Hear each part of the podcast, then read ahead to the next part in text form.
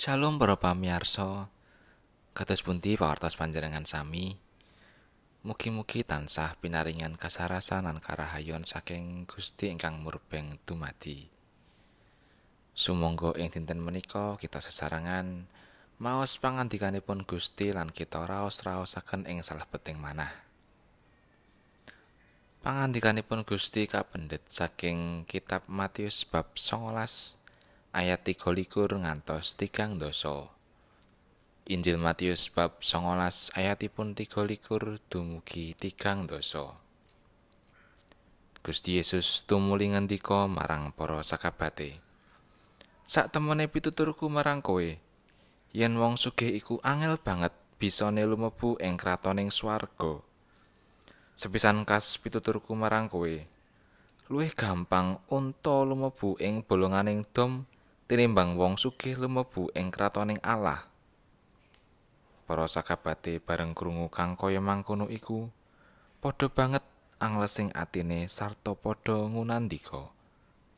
Yen mangkono sapa to sing bisa oleh karahayon? Gusti Yesus banjur mandeng para sakabat sarta ngandika. tumraping manungsa bab iku mokal nanging mungguing Allah samubarang kabeh bisa kalakon Petrus tumuli mungsuli unjuke. Kawula sedaya sampun sami nilar pamukawis saha lajeng nderek paduka.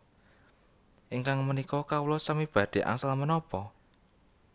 Pangandikane Gusti Yesus Sak temene pituturku marang kowe besok ing jaman pembangunan menawa putraning manungsa lenggah ing dampar kamulyan kowe kang wis padha nderek aku iya bakal linggih ing dampar rolas sarta ngadili taler Israel rolas.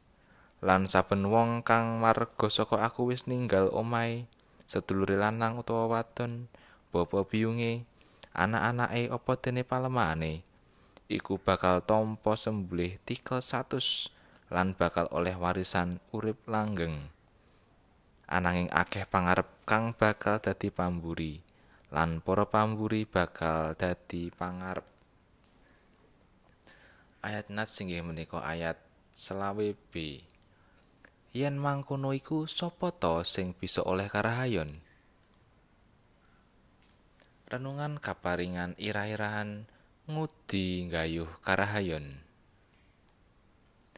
Gusti Yesus sampun ngandika bilih boten gampil menawi tiyang langkung-langkung ingkang sugih lumebet wonten ing kratoning Allah. Kepara langkung gampil kewan unta lumebet ing bolonganing dom ingkang ciut sanget. Menapa menika ateges tiyang boten saged lumebet ing kratoning Allah? Tetep saged. Dateng para sekabat ingkang sampun nilar pedal melan lan brayat kangge nderekaken Gusti Yesus.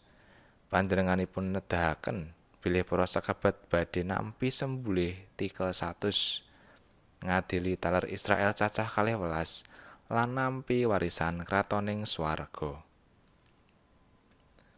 Emanipun tiang pitados saknalika boten saged saknalika nampi sedaya ganjaran ingkang mekaten.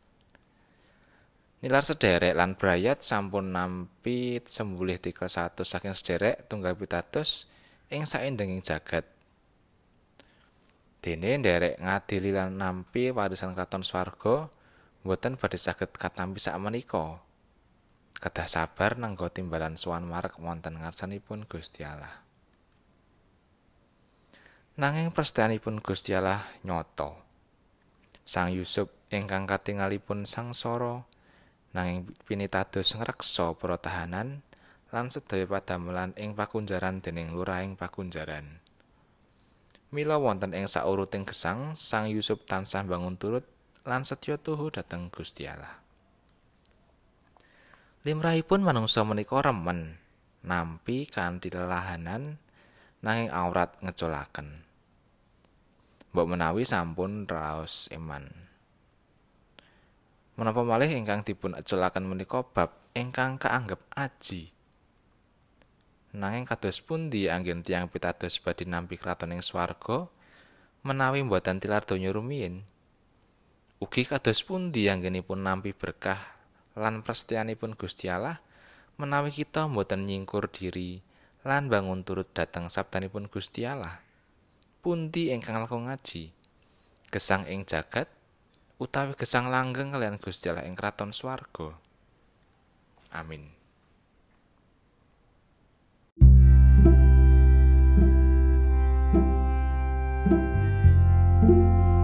thank you thank you